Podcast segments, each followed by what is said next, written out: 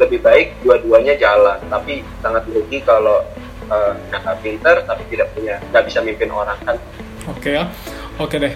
Jadi setelah selesai dari S1 di Instiper Jogja kau kan langsung kerja tuh bro di salah satu anak perusahaan Astra Internasional yaitu Astra Agro Lestari.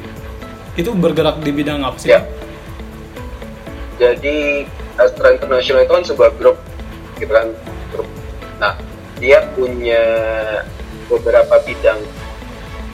Jadi punya beberapa sektor uh, yang dikerjakan oleh beberapa anak perusahaan.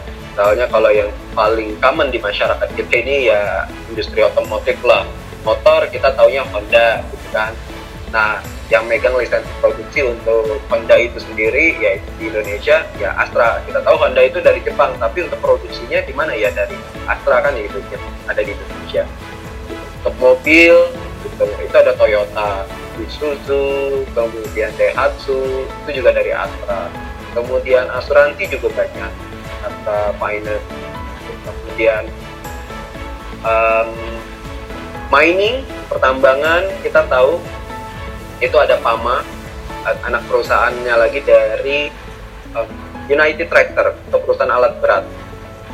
Itu kan kalau yang kita tahu yang uh, United Tractor yang alat berat kayak ekskavator yang merek-merek Komatsu dan semacamnya itu salah satunya juga dari Astra. Udah banyak lagi sektornya termasuk Astra Agrolestari itu di bidang agribisnisnya. Jadi di bidang pertanian atau perkebunannya itu dia punya Astra Agro Lestari TBK. Kemudian core bisnisnya itu di perkebunan kelapa sawit yang tersebar di wilayah Sumatera, Kalimantan, dan Sulawesi, sedikit di daerah Banten. Kemudian, eh Banten nggak ada. Banten itu karet. Jadi ada ada satu lagi uh, selain kelapa sawit itu karet, tapi lebih banyak uh, main core-nya itu adalah kelapa sawit. Berarti industrinya ini kita sebut farming ya? Ya. Iya. Jadi kan aku kan sering lihat orang salah paham mengartikan farming gitu ya. Ada yang mikir farming itu tentang bercocok tanam. Padahal kan bukan itu doang kan ya. Karena setahuku farming is not just about planting seeds or growing edible plants, but also about raising animals for milk or meat. Gitu. Jadi bukan soal menanam tanaman aja, tapi juga beternak hewan untuk mendapatkan susu dan daging dari hewan tersebut. Ya nggak sih? Kan tadi kan kamu mentionnya cuman ya, benar, cuman masalah tanaman doang kan?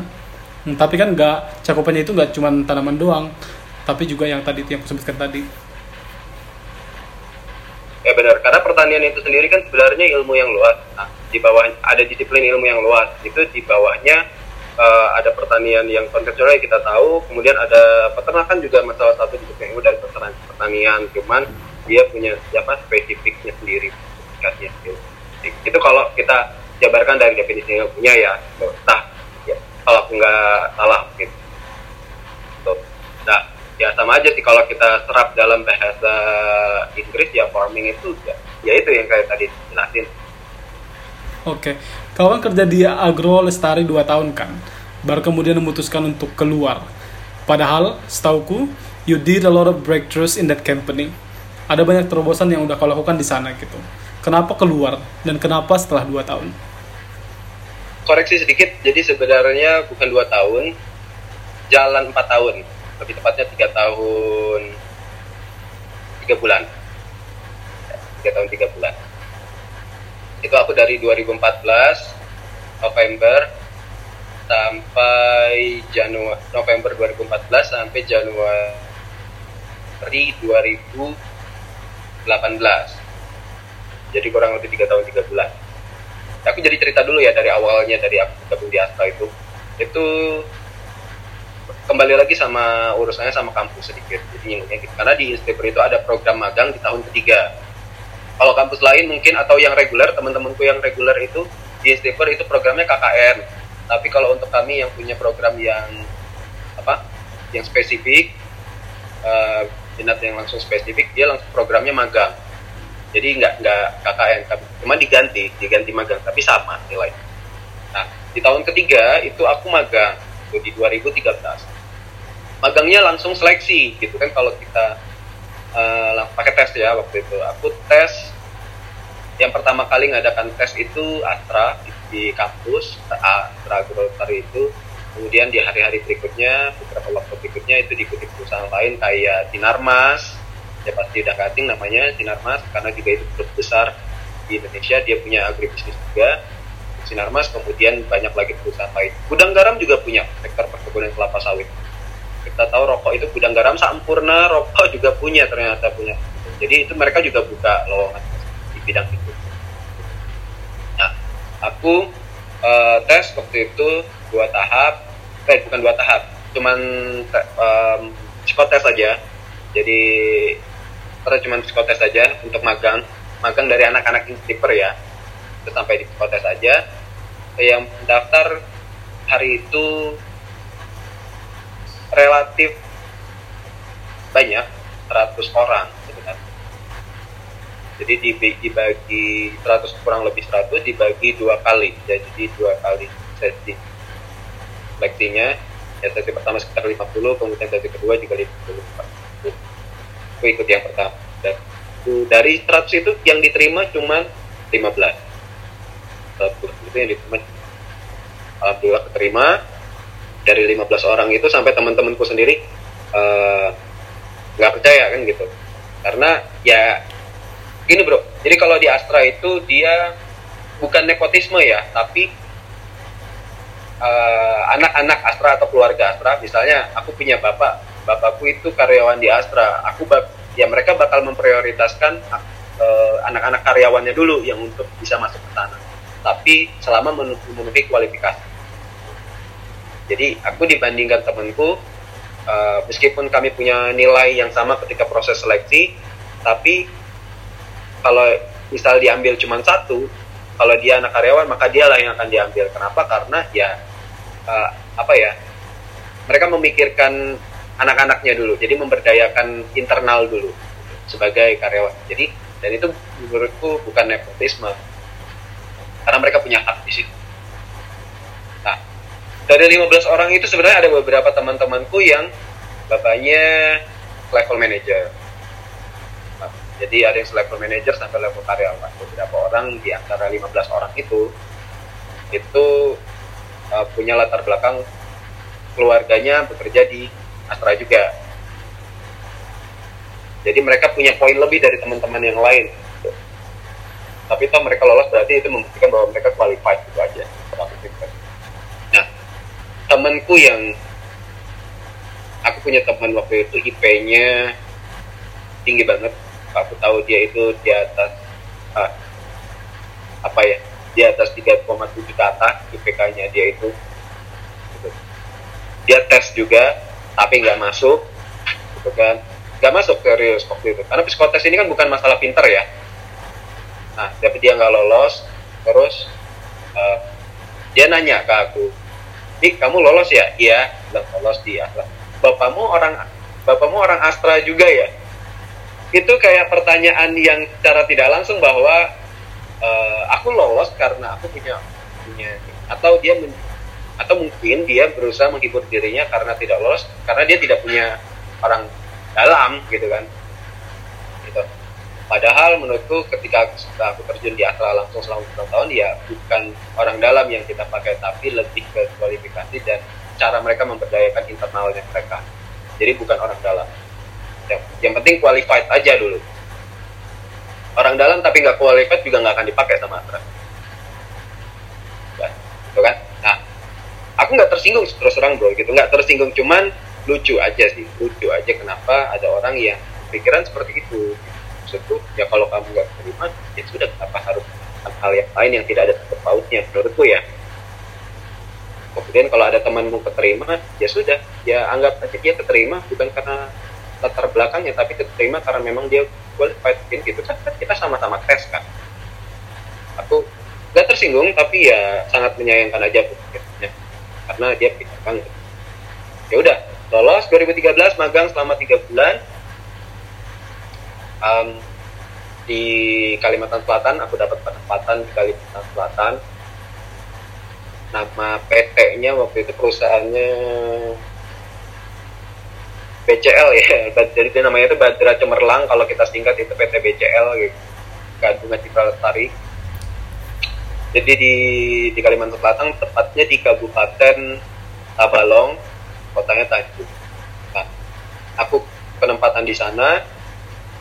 Setelah itu tiga bulan magang selesai alhamdulillah nilainya sangat memuaskan. Di 2014 aku waktu skripsi Astra buka lowongan lagi buka lowongan dan jadi aku dapat undangan lewat email untuk rekrut rekrutmen jadi aku nggak lanjut nggak mulai lagi dari psikotes tapi langsung lanjut ke wawancara. Jadi langsung wawancara. Kalau teman-teman dari kampus lain itu uh, rekrutmennya biasanya psikotes kemudian wawancara HRD setelah wawancara HRD wawancara user setelah wawancara user baru uh, medical check up. Kalau aku nggak ada wawancara HRD jadi langsung uh, wawancaranya dengan user. Aku dapat undangan wawancara di UGM dijadikan satu sama rekrutmen pada umumnya. Jadi ketemu sama teman-teman dari kampus lain juga. Tapi mereka pastinya sebelumnya sudah melewati uh, wawancara HRD dan psikotesnya sudah diadakan sebelum. Karena aku udah dari paper jadi langsung lanjut ke wawancara. Nah, udah ngelewatin itu kan. Nah dari 15 ini yang lolos sampai keterima di Astra itu tujuh orang. Setelah setelah apa medical check up ya habis wawancara medical check nah di sini ku bisa aku katakan balik lagi yang tadi kita bilang ada temanku yang nggak beruntung nilainya kalau pinter dia pinter banget nilai IPK-nya itu 3,7 sekian gitu kan 3,75 dan komplot tapi sayang banget dia magangnya bagus, nilainya memuaskan, wawancaranya bagus berjalan. Tapi ketika medical check up, uh, paru-parunya terindikasi gejala TB. Gitu. Sayang sekali. Padahal sehat. Kita kita lihat uh, seharian sehat, nggak ada menunjukkan gejala macam-macam kok. Jadi itu kan hanya gejala, tapi mungkin kalau bicara masalah kesehatan, perusahaan punya kebijakan yang lebih strict kayak akan lebih strict sekali. Gitu. Jadi nggak lolos sayang banget itu temenku aku aku masuk tapi dia nggak padahal punya potensi nah itu yang mungkin bisa dibilang ketika usaha nggak bertemu sama kesempatan eh ya temenku persis jadi aku dari SM temenku SMP SMA kemudian satu kampus di River kemudian sama-sama di Astra magang lolos. Kita sama-sama keterima di Astra. Jadi aku punya teman kecil di Astra yang dari SMP sampai di Astra itu bareng. Ternyata itu ada kita bertiga. Jadi aku punya dua teman aku jadi yang lanjut sampai bekerja itu dua orang. Balik lagi ketika kesempatan bertemu usaha. Temenku yang satu orang ini skripsinya lama bro.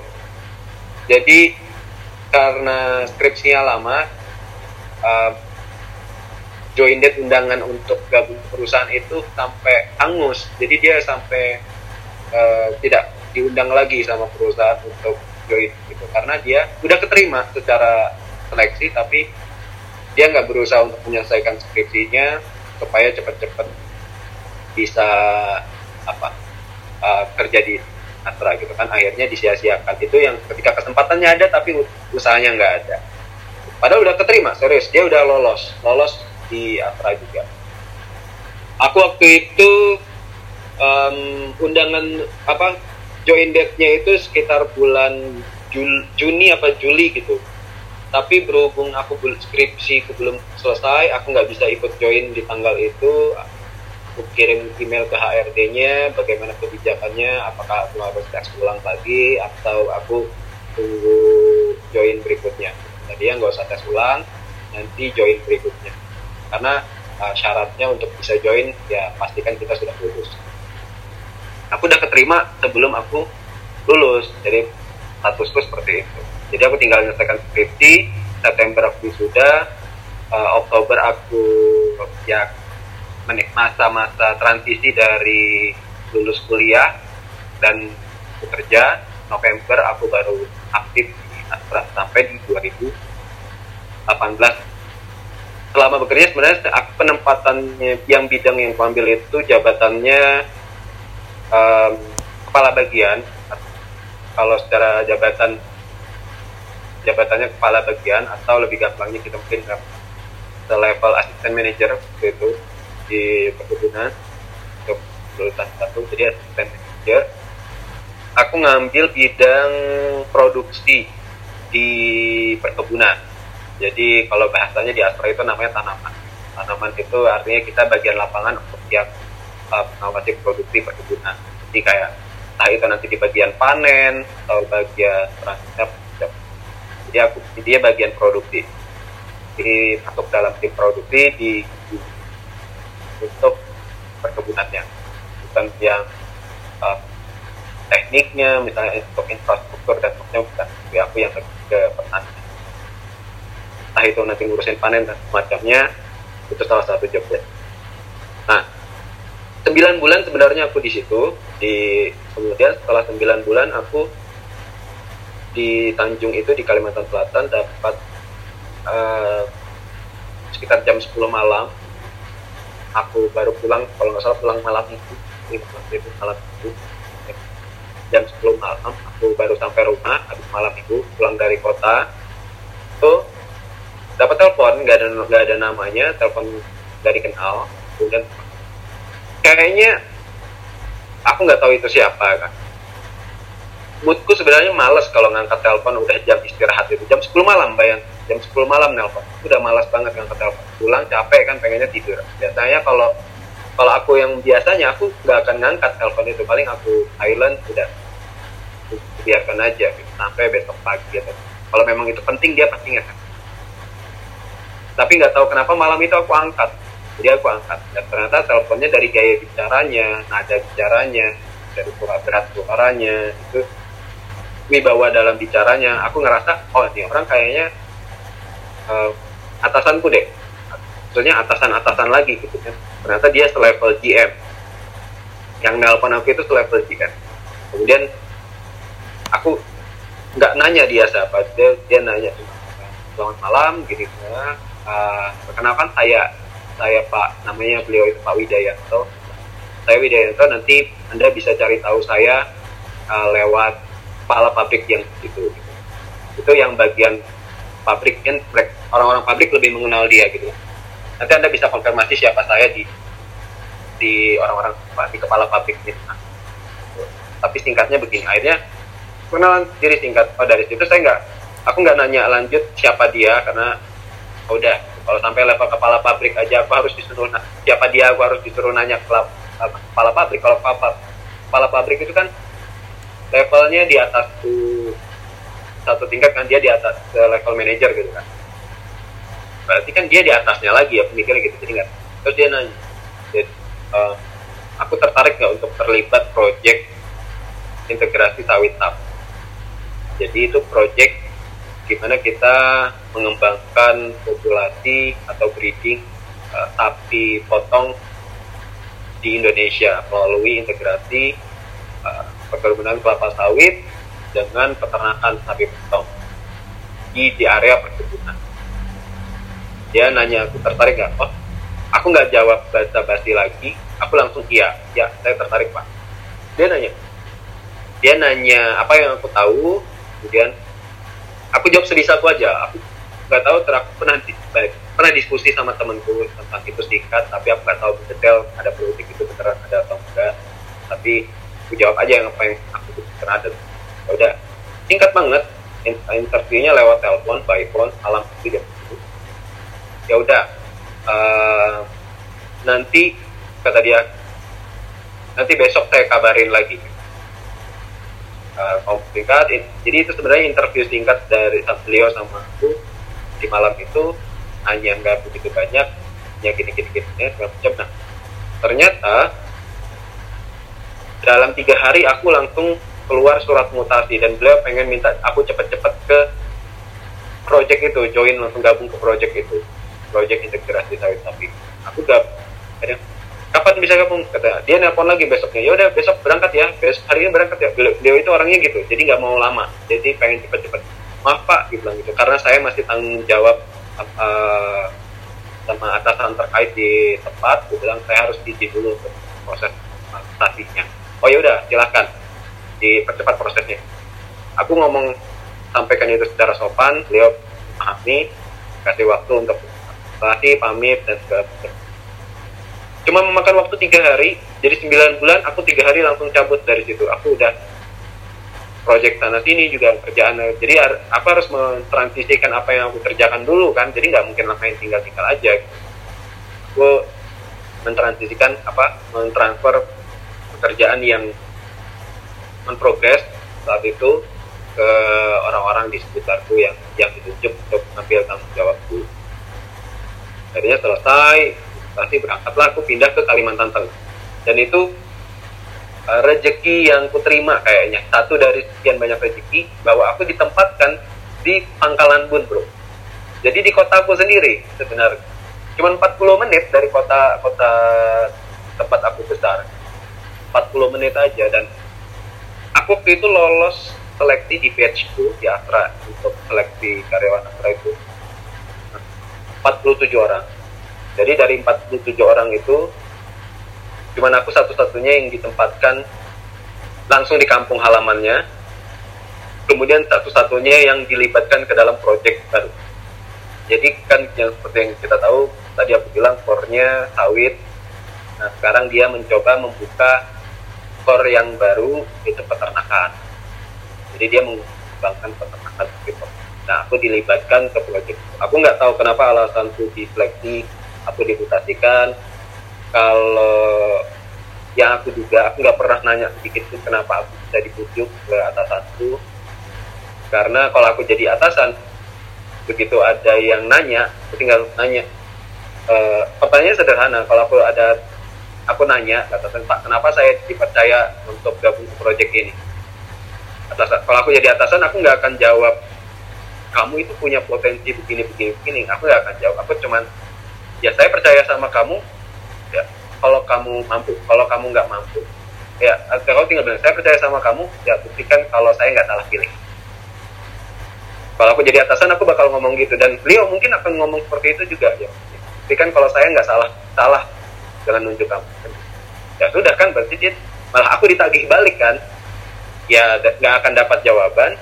Justru akan di apa ya akan di tantang balik dan jauh lebih besar gitu loh. Karena kan aku nanya untuk cari jawaban.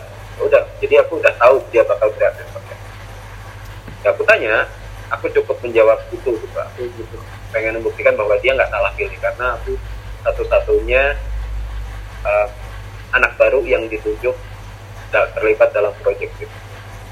9 bulan 2015 bulan apa ya?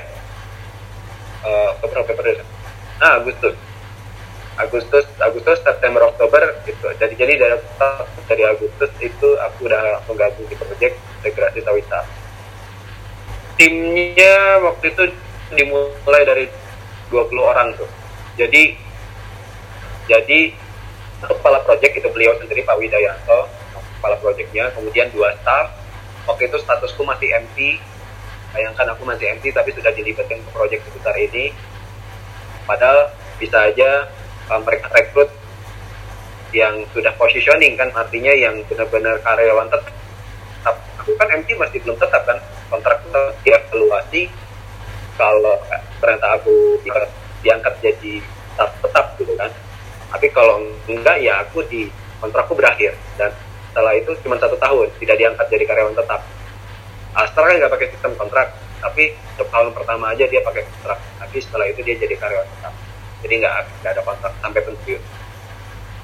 Nah satu kepala proyek dua staff. Status memang masih MD jadi aku sebagai staff junior ada satu staff senior yang sudah kurang lebih kemudian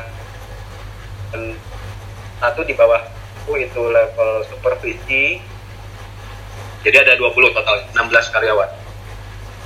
Nah dari dengan dengan 20 orang itu kita mengembangkan selama sampai aku 2018 itu mengembangkan sampai nggak ada sapinya. Jadi benar-benar nggak ada sapinya. 20 orang itu nggak punya sapi padahal kita bekerjanya lagi proyek integrasi sapi tapi belum ada sapi.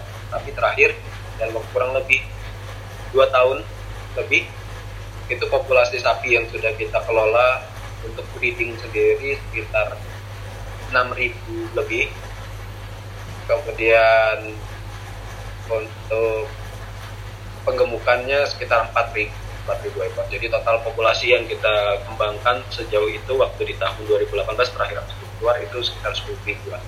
Dan itu masih terus bertambah tiap tahun, bertambah lagi karena selalu expand kan, projectnya selalu expand. Yang aku kerjakan selama di sana benar-benar harus punya inisiatif yang besar dan bisa bekerja dan maupun teamwork. Gitu.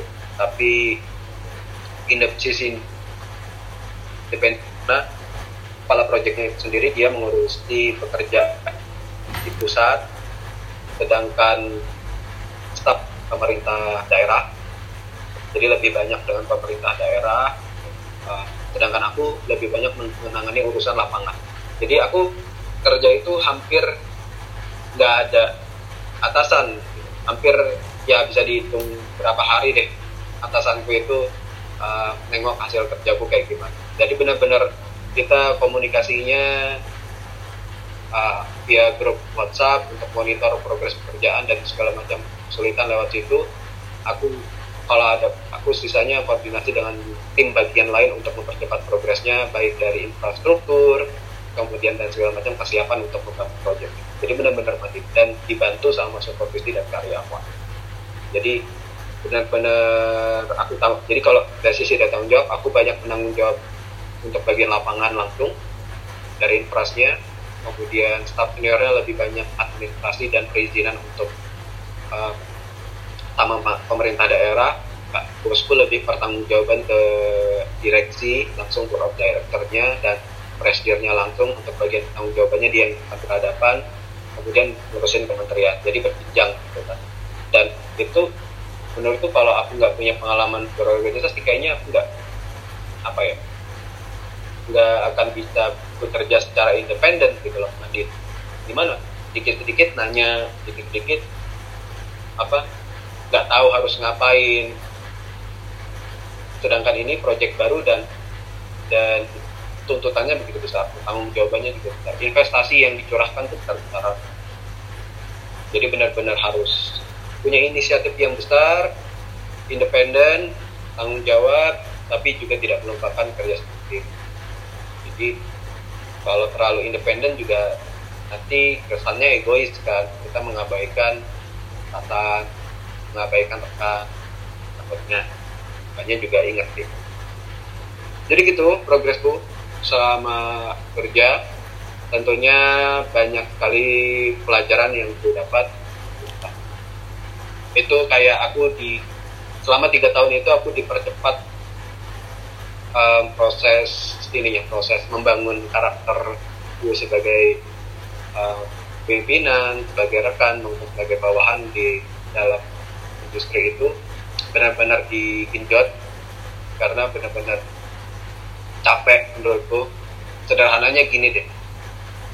Kalau kamu punya tanaman kamu punya tanaman dan punya kucing tanamanmu nggak kamu siram satu hari kucingmu nggak kamu kasih makan satu hari mana yang bakal teriak lebih dulu? Kan gitu.